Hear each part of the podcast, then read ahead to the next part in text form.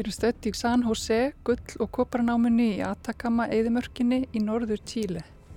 Klukkan er 5 minútur yfir 2, 5. daginn 5. ágúst árið 2010. Göngin hrinja og 33 menn festast á 700 metra dýpi. Þar náður að halda sér á lífi í hitamollu og myrkri með takmarkaða matabyrðir. Hvernig gáttu þeir þetta? Hvernig var þetta?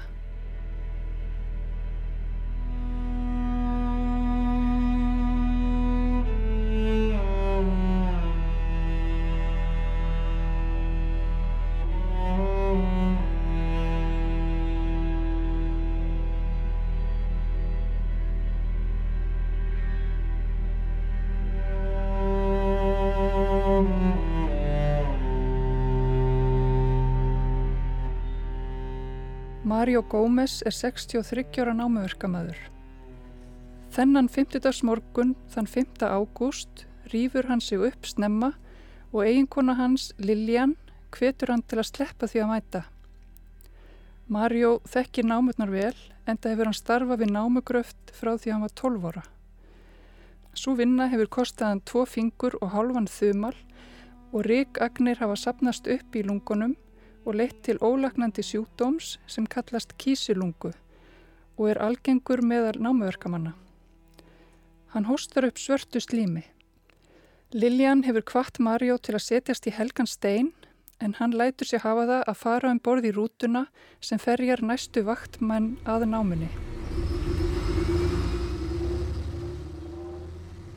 Ferðin tekur 50 mínútur norður frá borginni Copiapó yfir í eðmörkina þar sem náman býður þeirra. Margir fór sér blund í rútunni og áfengisvíma er ekki enn runnin af nokkrum. Þeir vinna í námunni á 12 klukkustunda vöktum í sjö daga og fá svo sjö daga frí. Þeir stíga úr rútunni nálagt námuopinu og klæða sér í vinnugalana, ból, buksur og hjálm með höfuljósi. Ofan í námunni er mikill raki og hitin fyrir yfirlegt ekki undir 30 gráður. Á hverjum degi drekka þeir mikið vatn en glíma samt við ofþórnun. Eigandi námunar skaffar þeim mat, á 12 klukkutíma vakt fá þeir tvær samlokur og eina mjölkurhyrnu. Þess vegna taka flestir með sér aukabita, súkulæðistikki, súpu á brúsa og heimagerðar samlokur og nóa vatni. Vaktstjórin, Louis Ursúa, er ekki hrifin að því að þeir sé með vasana fulla að mat svo flestir skilja nestið eftir við námu opið. Eignarhaldsfélagið San Esteban Primera hafði yfir um sjón með nokkrum námum á þessu svæði, þar á meðal San Jose námunni. Það kom á daginn að 250 starfsmenn fyrirtækisins, engar konur aðeins karlar, voru ekki með farsíma á vegum fyrirtækisins og lítið hugað að öryggisráðstofunum, en það voru slis algeng í námum fyrirtækisins. Eftirlitsaðlar á vegum ríkisins náðu ekki að sinna þeim fjölda náma sem þurftu að fylgjast með. Í eðimörkinni í norðu Tíli fer fram heimsins mesti koparnámugröftur og námuvinnsla er 50% af útflutningstekjum landsins. Margar af þessum námum byggja á hátækni og það er eftirsótt að vinna í námum því launin eru góð þrátt fyrir mikla og erfiða vinnu. Þessar námur þykja yfirleitt örugar. En náman í San Jose tilherir ekki hátækni námum, heldur er hún ótraust þar sem stórir, ottkvassir steinar falla reglulega úr loftinu. Slíkt hafi ymmit gerst einu mánuði fyrr. Stór stein hafi fallið niður á fótinn á Gino Cortes og bútað fótinn í tvent. Það kemur fljótlega í ljós að náman er eins og ótraust spilaborg sem þarf lítið til að falla saman eftir 111 áranótkunn þar sem margar kynnslóðir námuverkamanna hafa starfað. Loft og gólf hafi ekki fengið þá styrkingu sem þarf í gegnum árin.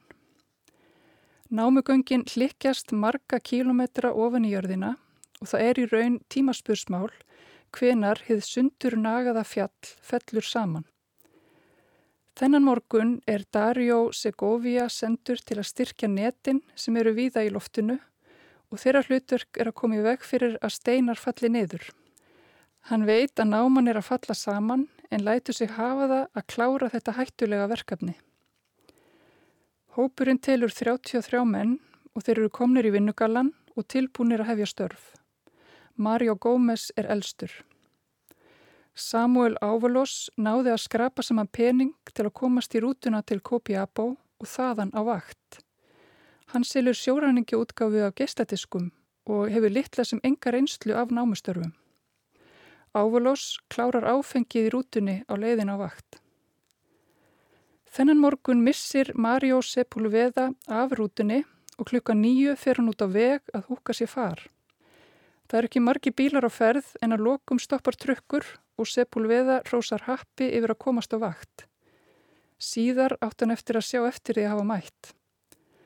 Hann náða mæta klukkan tíu kastaði bröndurum að öryggisvörðunum og var komin ofin í námuna klukkan 10.30. Hugo Araya er 42 ára bráðaliði námunar og honum líður aldrei vel þegar hann fer inn í námuna og líkir lyktinni þar við rótnað kjött. Hann er vanur að þurfa að sækja slasaða námumenn og það er svo algengt að hann er farin að venjast í. Það er algengt að þeir þjáist á súrefniskorti því að í námunni eru bílar á ferð, rjúkandi dínamít og keðjureikjandi menn. Yfirleitt fara þeir heim í einni eða tvo daga og eru svo komnir aftur í reikin og rakan.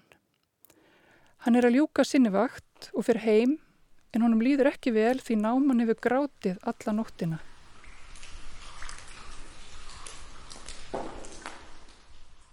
Hann veit að þegar að San Jose náman grætur geta tárin verið stórir hnullungar sem hrinja úr loftinu.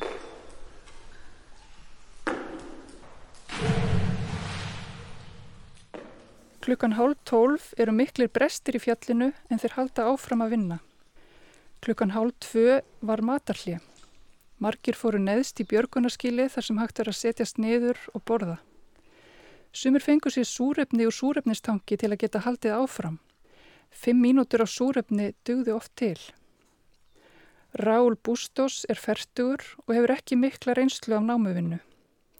Í februar sama ár misti hann vinnuna þegar tsunami í kjölfar stórs jarðskjálta skólaði vinnustafnum hans á hafút.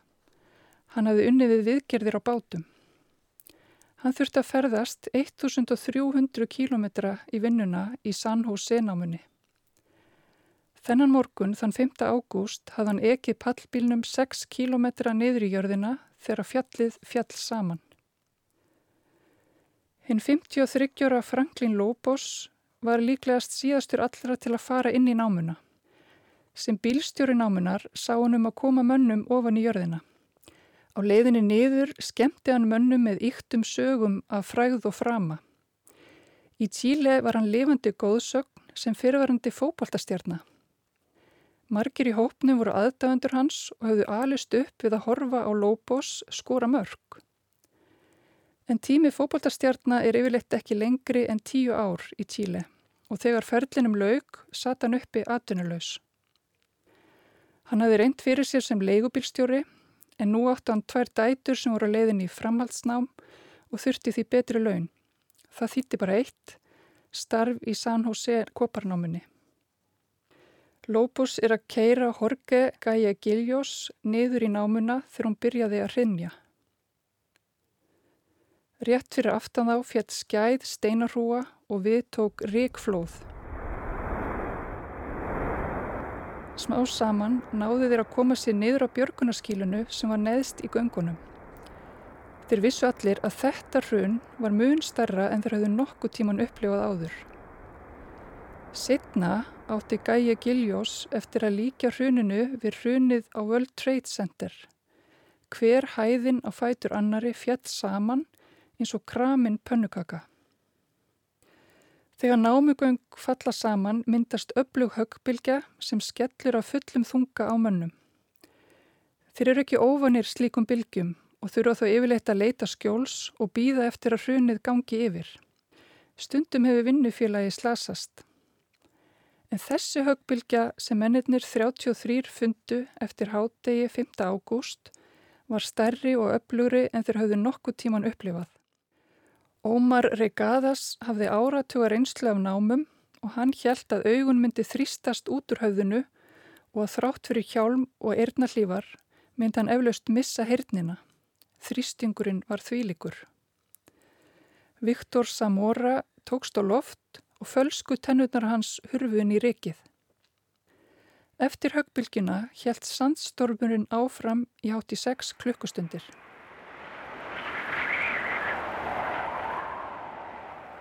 Þeir sem stóðu við námóapið ofanjarðar urðu varir við öfluga bylgu, fjallið hóstaði.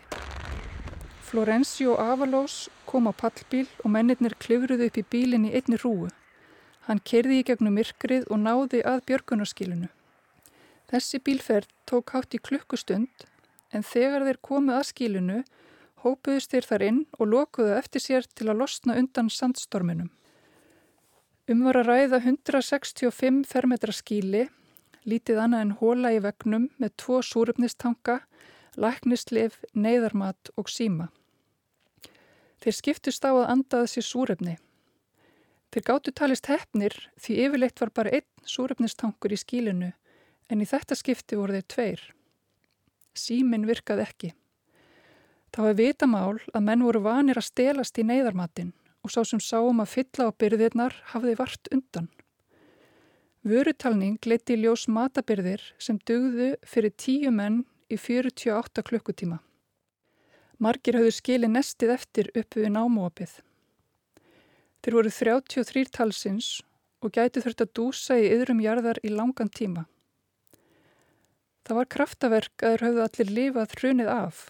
Nokkrir voru meittir en engin alvarlega slasaður ekki eitt bein brotið. Þeir hóstuðu undan rikinu sem settist í augun svo að erfitt var að halda þeim opnum. Þegar mestar hrunni var yfirstaðið stegu þeir aftur út úr skílunu og sáu hvernig vatn flættinuði veggina og þeir voru fastir innan í næstum tveggja kílometra helli sem var fullur af leðju. Þetta átti eftir að vera vistarvera þeirra næstu vikur. 700 tonna steinn hafði hrunið nálagt námuopinu og þeir voru fastir á 700 metra dýpi, 5 kílometrum frá ingangi námunar. Sumir slökti á ljósinu sínu til að spara batteri. Þeir vissu að nú byði þeirra óvisa og hungur.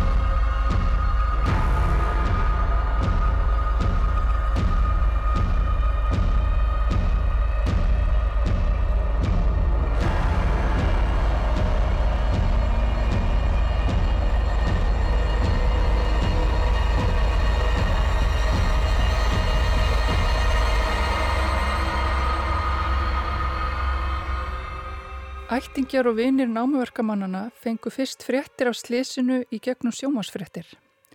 Þar voru byrt nöfn þeirra sem hefðu lendt í slésinu. Síðar komi ljós að tvö nöfn voru á listanum sem áttu ekki að vera þar og tvö önnur vantaði á listan.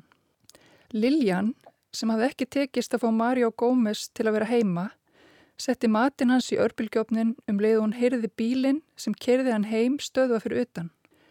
Henni fannst hann lengi að koma sér inn en hitti í staðin starfsmann námunar sem tilkynnti henni að það hefði orðið smávægilegt slis og því er því rettað næsta dag. Meiri upplýsingar fekk hún ekki. Hún flýtti sér að námunu í eðmörkinni og átti eftir að eða mörgum vikum þar. Myndum af námumönnunum var stilt upp í eðmörkinni og kveikt á kjertum. Strax sama kvöld þann 5. ágúst og allt fram á morgun 7. ágúst flyktust ættingjar og vinir að námasvæðinu. Þau höfðu með sér tjöld og mat. Það ríkti örvending á meðal fólksins en líka reyði gagvart eigundum námunar. Einn námumannana hafði talað um það við konuna sína að hann ótaðist stórt hrun. Brakið og brestirnir hafðu aukist til muna í námunni. Hann vildi hætta en gati ekki sleið hendinni á móti aukavakt. Hann átti að fá tvöfalt kaup á þessari örlegaríku vakt. Björgunar aðgerir fóru strax í gang. Í fyrstu ríkti algjör óriða. Engin vissi hvar mennirnir voru í göngunum, ný heldur hvort þér væri á lífi. Menn reyndu að fara inn í göngin bæði fótgangandi og bíl en komust ekki langt. Inn í námunni voru brak og brestir úr stórum sprungum rann vatn og þykkur ríkmökkur lág yfir öllu. Gríðarlega stór steinn fylgtu upp í opið og engin leið að komast fram hjá honum. Björgunamenn fundi þó loftræsti stokk og byrjuðu að síga niður í jörðina. Þeir notuðu fjallaklifur spúnað og treyðu sig í línu. Steinarrýð ringdi niður nálátt höfðum þeirra. Stóri steinar gáttu vel fallið beint á höfuðið. Samkvæmt örgisreglum áttu loftræsti stokkar að vera með neyðarstega en eigundum San Jose námunar hafi láðst að fylgja slíkum reglum. Þeir náðu þó að síga niður 15 metra stokkin og niður í stæsta holrúmið sem var 5 metra hátt og 6 metra breytt. Það var tómt. Þeir fundu annan stokk og fóru líka niður um hann. Þeir þeir komið niður, kölluðu þeir en fengu engin svör. Heyrðu bara í rennandi vatni og braki og brestum þegar grjót hrundi hér og þar. Þeir fundu enn annan stokk og fóru enn neðar Neðsti stokkurinn reyndist fullur af grjóti og þurr komust ekki lengra. Inni í námunni var allt óstöðugt og mikið af grjóti tók að hrinja. Björgunumenn sáu að þeir voru komnir í mikla hættu og hafist var handa við að draga þó upp. Þegar Golborne námumálar á þeirra tilkynnti ættingum að björgunin hefði ekki tekist, brotnaða niður. Útliti var ekki gott. Björgunamennir byrjuði að pakka saman og yfirgefa svæðið.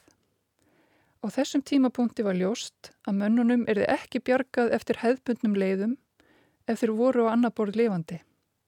Ættingjar gretu og letu reyði sína bytna á björgunateiminu.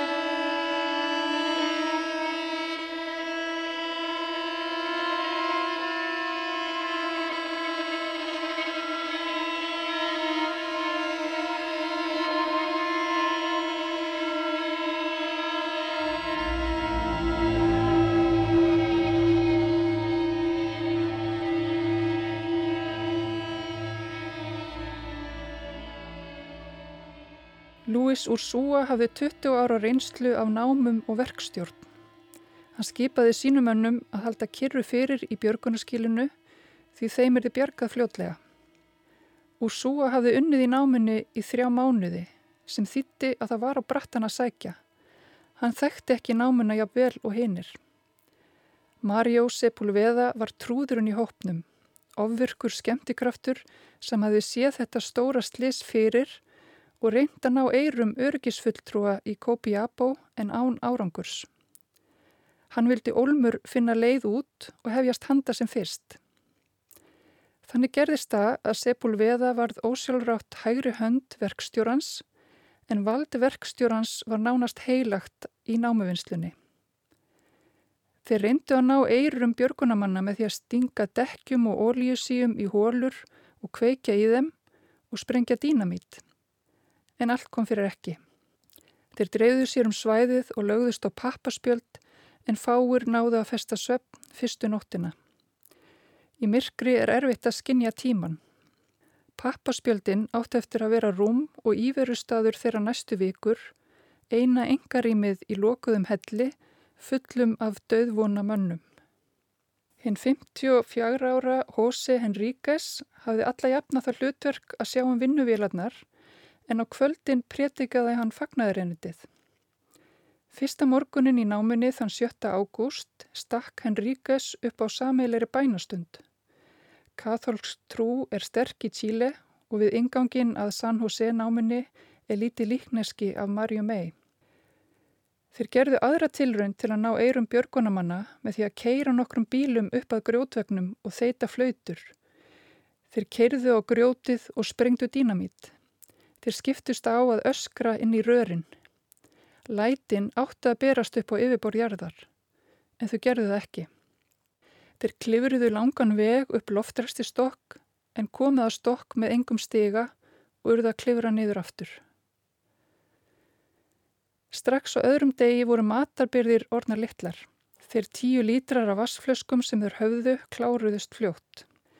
Þeir tóku að drekka úr 5.000 lítra vasstöngum Vatnið var ætlað stórum borfjölum. Það hefði staðið í nokkra mánuði og var fullt af reiki og óhrennindum og bragðaðist eins og díselolja. Þeir komu sér upp líðræðisluðu kerfi, einu sinna á dag söpnuðust þeir saman, lögðu fram tillegur, rættu þar fram og aftur og kusu að lokum. Hver maður hafði eitt atkvæði. 16 pluss 1 var meiri hluti. Umröðarnar urðu oft ansi fjörugar en meiri hlutin réð. Batterín voru byrjað að klárast í ljóslugtum og farsímum. Það var ekkert farsímasamband í náminni en þeir gáttu þó nota símana sem ljóskjafa og sumur hlustuð á tónlist.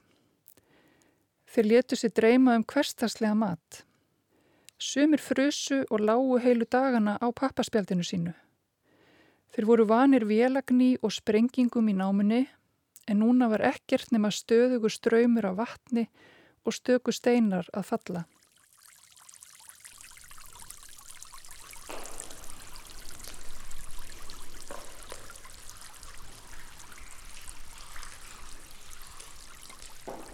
Fyrir ofan þá var nýr og þögull steinheiminn, yfirborjarðar viðs fjarrri. Tíminn sílaðist áfram og leistist upp. Í hita og raka steg upp óbærileg lykt. Margir tóku að yfirgefa neyðarskílið og setja pappaspjaldi sitt inn í námuhellin. Þannig losnuðu þeir tímabundið við svitaliktina af hinnum. Þeir skiptust upp í minni hópa, vinir og ættingar heldu saman. Svæðin sem þeir lögðu undir sig voru misgóð. Steingólfið var mislétt og einn hópurinn held áfram til í skílinu. Þeir kölluðu sig refúkjó. Þrýr menn heldu sér saman og lendu á versta staðnum sem var nálagt rennandi vatni sem bleitti allt. Rakin og hitin var stöðugur og sumur reyndu að festa svefn í bílsætonum. Nokkrir í hópnum glýmdu við frákvörf frá síkarettu og áfengisfíkn með öllu sem því fylgir. Á hverjum degi báðust þeir fyrir og sumur kölluðu Jésu 34. mannin í hópnum. Mario Gómez var öldungurinn í hópnum og stappaði stálinu í hinna og reyndi að sannforða um að hjálp myndi berast. Þeir þyrtu bara þrauka. Þeir tóku til starfa, kom upp kerfi til að beina vatninu í réttan farveg. Þeir gáttu nota bílana á marga vegu, bíljósin voru ljóskjafar, þar gáttu þeir hlaði batteríin á höfuljósunum og nota vélina til að hita vatn fyrir teð. Hítinn frá vélinni var notað til að þurka blöyt fött. Þeir böðuðu sér í nálegum podli en höfðu yngar hreinlætisvörur. Þeir notuðu tóma ólíutunnu sem klósett og hún var reglulega tæmt í eitt hornið og mókað vel yfir til að hemja lyktina, en það dugði skamt. Strax á þriðja degi þurfti að standa vörð og vakta þann litla mat sem var eftir. Þeir kusuðu matinn og samþyktu máltíð einu svona dag. Dagskamturinn var matskið af túnfiski og cirka hálfur botli af vatni. Það gekk hratt á byrðirnar og mjölkin sem þeir höfðu var laungu útrunin. Hún var öll kekkjátt og úldin en þau drukkana samt. Á nokkrum stöðum voru ruslatunnur sem hefðu verið notaðar fyrir hrunið og þar var hægt að finna appilsínuberki og jafnvel nokkra dropa af kóki neðst í nokkrum hlöskunum. Eftir því sem tímin leið, jógst óttin og örvandingin.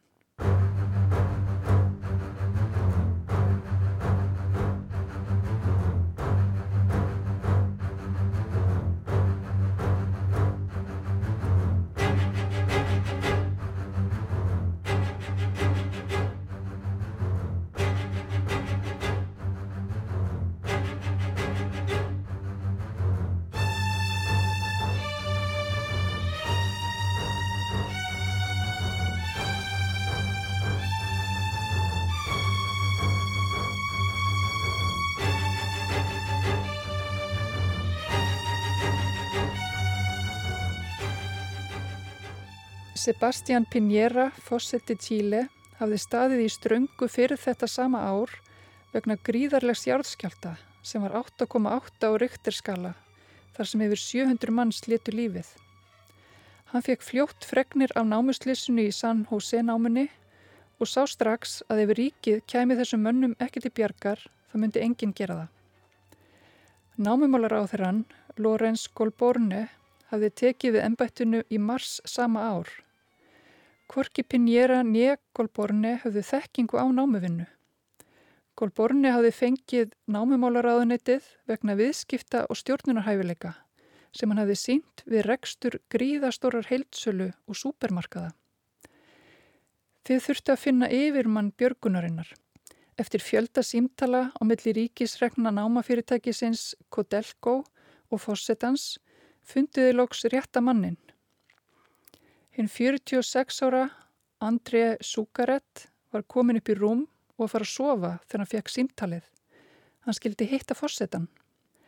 Súkarett hafði heyrta þessu slisi en það hafði ekki kvarlað að honum að hann ætti eftir að hafa eitthvað með þetta slis lengst norður í landi að gera.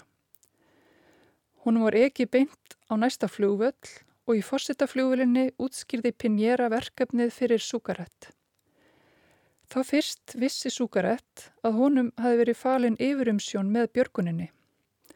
Hann var með líf 33 manna í lúkonum og enginn hafi spurt hann hvort hann væri til í að taka verkið að sér.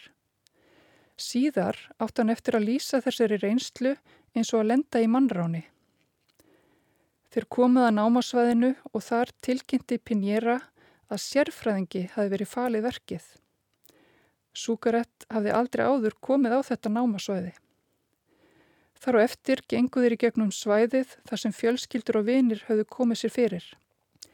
Engverjir rópuðu ókvæðis orðum að fósittanum því hann hafi fyrst tilkynnt fjölmiðlum um stöðumála og svo láti fjölskyldunar vita. Þarna áttaði Súkarett sig á því að það erði alltaf að láta fjölskyldunar vita fyrst af öllu. Fósittin fór og Súkarett var einn eftir. Hans fyrsta verk var að samhæfa og undibúa borun niður í námuna. Fljótlega var ákveðið að teikna upp þrjú plön sem yrðu kerð samhliða. Þrjár borunar aðferðir yrðu reyndar. Súkarett reiknaði út að bor kæmist um 100 metra niður á dag og til að ná með nákvæmi mælingum niður til mannana þyrti þeirra minnstakosti eina viku. Kortin sem voru til á námunni voru ekki áræðanleg og því þurfti nokkur neginn að giska á það hvar neyðarskilið neðst í göngunum væri. Strax á fjörða degi var einn úr hópi námuverkamannana byrjaður að drekka eigið þvag. Hann sagði hinum frá því og þeir sögðu hann brjálaðan. Óttin við mannátt hjekk yfir þeim allt frá fyrsta degi. Þeir þekktu vel söguna af flugslísunni í Andesfjöllum 1972 þegar hópur ungra manna sem lifiði af neittist til að borða félaga sína sem höfðu látist í slesunu. Sá möguleiki var fyrir hendi að svo fyrsti sem leti lífið yrði jetin. Hinn óvirki Sepulveda og hennum rólega verkstjóra úr Súa var falið aðsta valdið í hópnum að sjá um matinn og útdeila matarskamti hvers dags. Í fyrstu borðiður örlítið á 12 tíma fresti en áður en fyrsta vikan var að enda þurftu þeir að breyta því í mat á 24 tíma fresti. Matskeið af tónfiski, hálft glas af mjölk eða djús og eitt keks.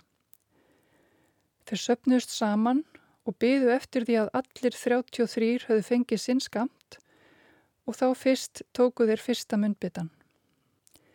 Sepulveda vissi að í hópnum voru ólíkir menn með ólíka hæfni Hann ákvaði að fela hverjum á einum verkefni yfir daginn svo þeir hefði eitthvað fyrir stafni. Setna átti Sepúlveða eftir að viðukenna að hann lagði mikið á sig til að stappa stálinni í hinna. Tók þátt í öllum ákverðunum og var svo sterkki. En þegar hinnir voru sopnaðir, grét hann í laumi og óskaði þess að hann gæti með töfrásprota galdra til þeirra rúm og mat. Þeir komu sér upp dagleiri rútínu með máltíð, fundi og bænastund og reyndu að reyfa sig eins lítið og hægt var til að spara orku. Samt fóruði líka í gunguferðir, nokkri saman og spjölluðu. Þeir bókstælega gengu til að halda sér gangandi. Þeir skiptust á að fylgjast með loftinu og losa lausa steina sem getur fallið niður og kramið næsta mann. Edison Penja sá um ljósinn en þau voru kveikt í 12 klukkutíma og slögt næstu 12. Þannig gátti þið skinnjað skil, dags og nætur. Þeir funduðu daglega klukkan eitt og tóku sameilegar ákvarðanir um næstu skref. Eftir fundin báðustir fyrir, bæði trúaðir og trúleysir og Henríkes var presturinn í hópnum. Viktor Segovia gemdi blöð og penna í hanskahólfinu á jarðítunni sem hann vann alla jafna á. Hann varð rítarinn í hópnum og hjælt nákvama dagbók. Jonni Barjós var áhuga maður um lækningar.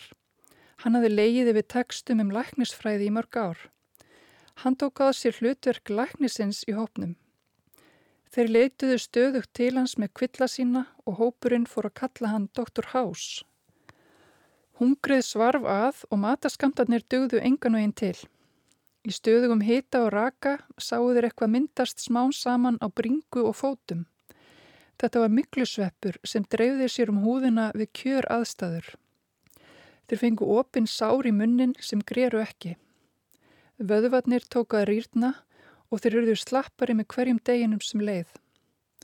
Nokkrir fengu ofskinjanir, sáu skugga látina námumanna og jafnvel ættingja bregða fyrir.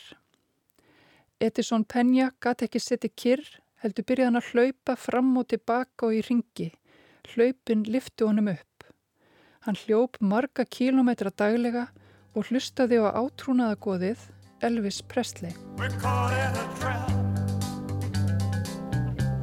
I can't walk out because I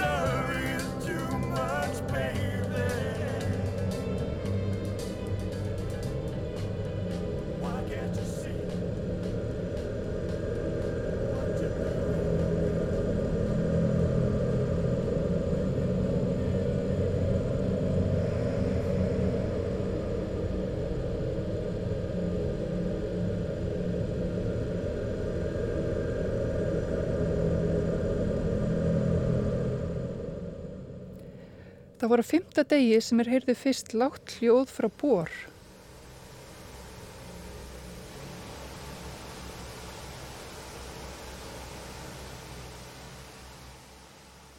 Þeir þekktu þetta hljóð og vissu hvað þetta þýtti.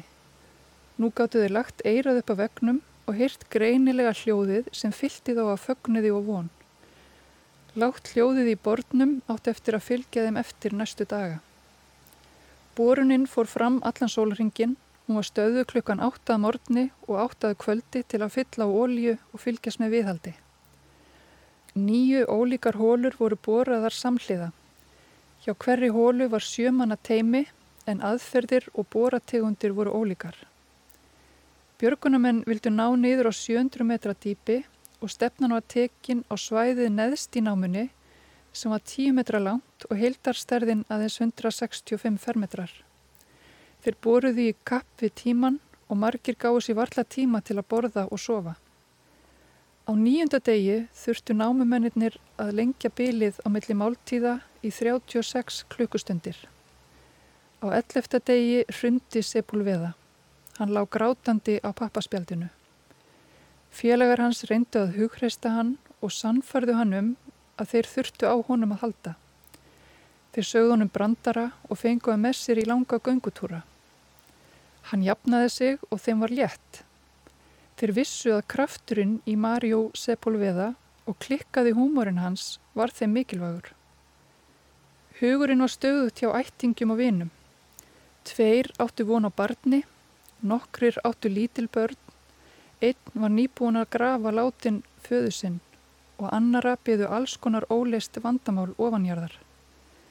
Þeir letu sér dreyma um allt það sem þeir myndu gera ef þeim yrði bjargað. Til dæmis getiðu stopnað góðgerarsamtök sem berðist fyrir bættum aðbúnaði námuverkamanna um allan heim.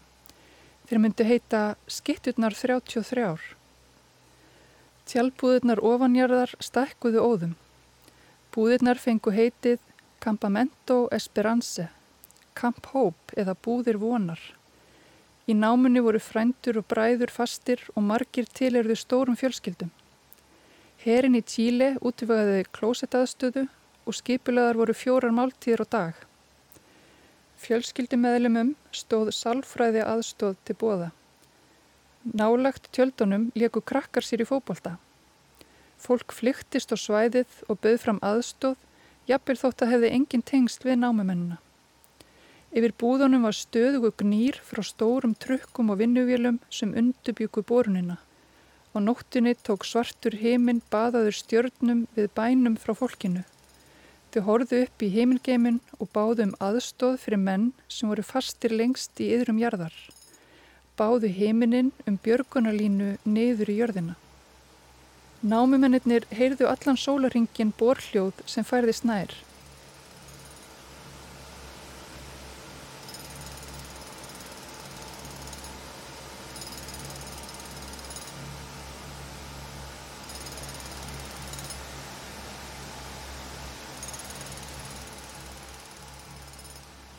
Þau voru vissir um að bor myndi ná til þeirra fyrr eða síðar.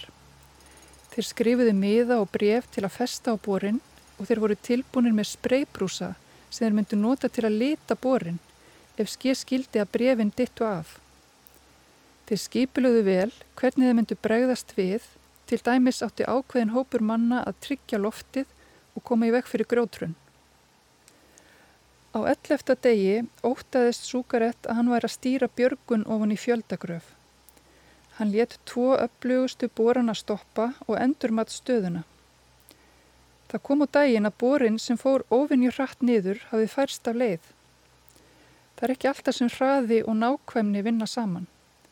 Varahlutir komið með flugi frá bandaríkjunum á Ástralíu og áttu að bæta nákvæmnina en hæja líka á ferlinu. Bórarnir fóru aftur í gang. Þeir sérfræðingar sem þarna störfuðu höfðu mikla reynslu af því að bóra niður eftir ólju, vatni og öllu mögulegu. Það var eðlilegt að bórarnir færðist um 7% úr stað. En þeir höfðu enga reynslu af því að bóra eftir mannslífum og þar geti 7% skekkja gert útslægið. Á tólta degi náði einn könnunarborin 600 metrum en hann var að missa afl vegna ólíuleika. Stefna hans var á þrjú göng en hann hitti ekki og fór fram hjá þeim. Það er augljóst þegar bor fer inn í opi rými. Verkfræðingarnir sáu engin merki þess og borin helt áfram að fara neðar og neðar og ljóst að þeir höfðu ekki hitt á réttan stað. Þegar borin var komin 730 metra niður var hann stöðvaður. Námuverkamennir áttuðu sig á því að borin hafði mist margs. Hljóðið var undir þeim og svo þagnaði borin.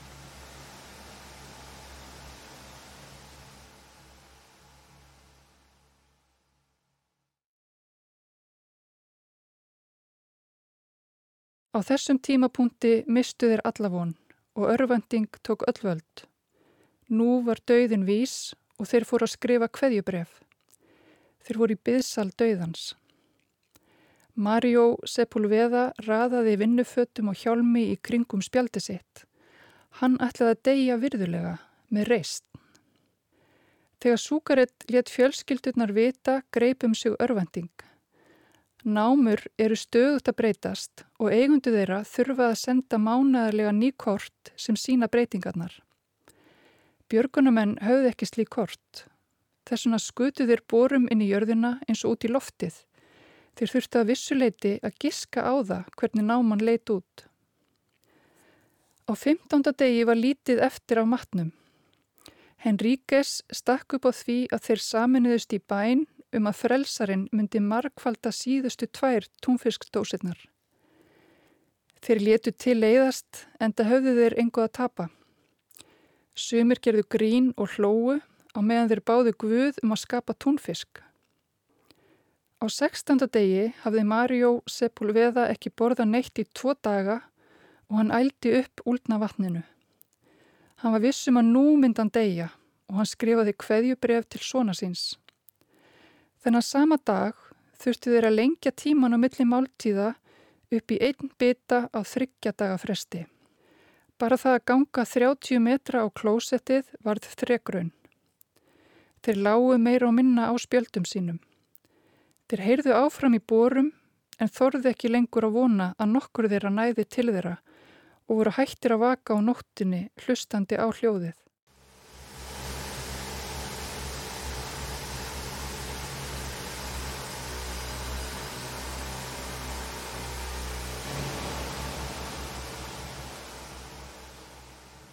Þann 21. ágúst, 16 dögum frá hrununu, nálgæðist borin 10B 700 metra dýpi. Með hjálp forritsins Vulkan gáttu þið nýtt sér GPS-punta til að stýra för borsins.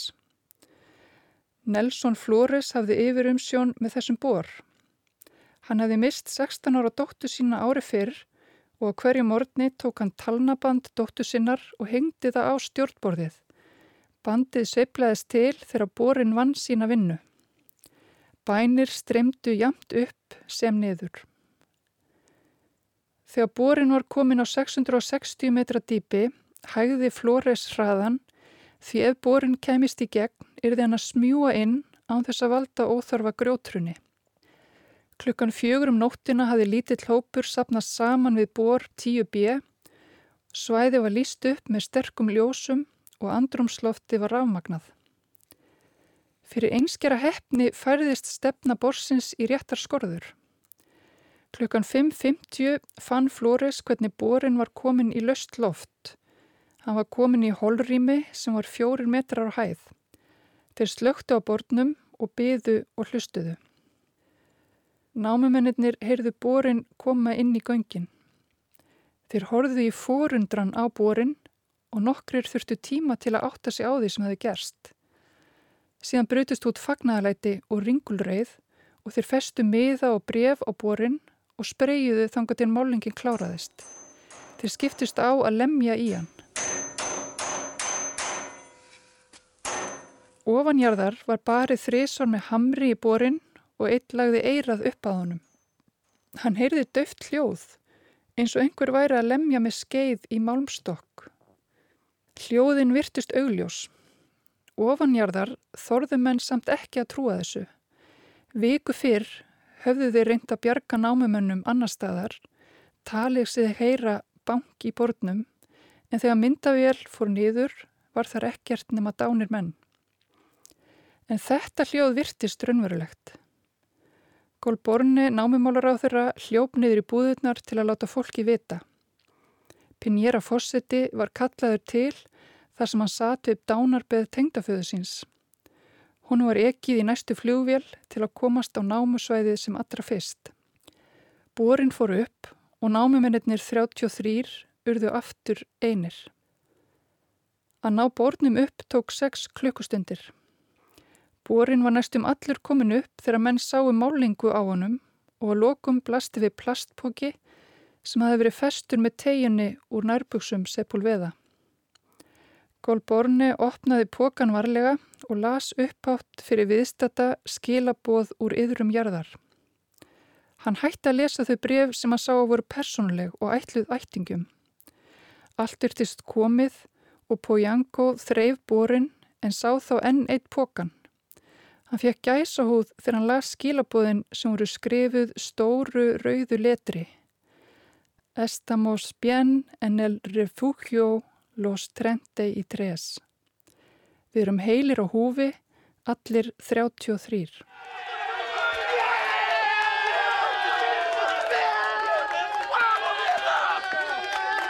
Estamos bien en el refugio los 33.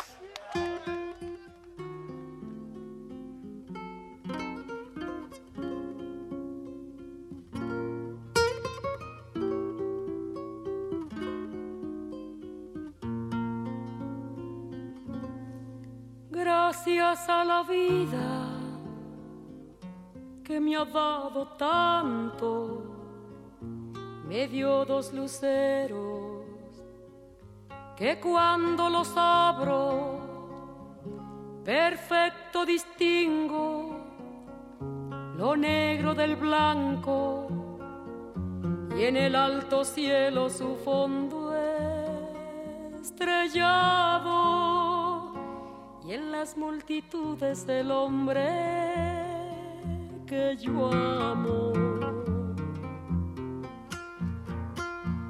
Gracias a la vida que me ha dado tanto, me ha dado el oído que en todo su ancho graba noche y días, grillos y canarios, martillos, turbinas, ladridos, chubascos y la voz tan tierna de mi bien amado. Gracias a la vida que me ha dado tanto, me ha dado el sonido y el abecedario, con las palabras que pienso y declaro, madre, amigo, hermano y luz alumbrando la ruta del alma del que estoy amando.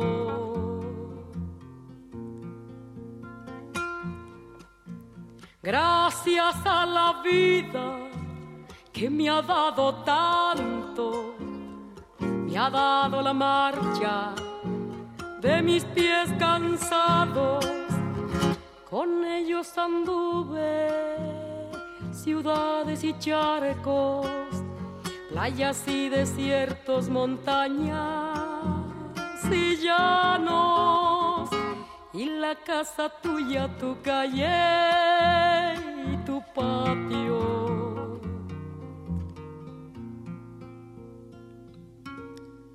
Gracias a la vida que me ha dado tanto me dio el corazón que agita su marco. Cuando miro el fruto del cerebro humano, cuando miro el bueno tan lejos del malo, cuando miro el fondo de tus ojos claros. gracias a la vida que me ha dado tanto, me ha dado la risa y me ha dado el llanto. Así yo distingo dicha de quebranto, los dos materiales que forman mi canto. Y el canto de ustedes que es el mismo canto. Y el canto de todos que es mi propio canto. Gracias a la vida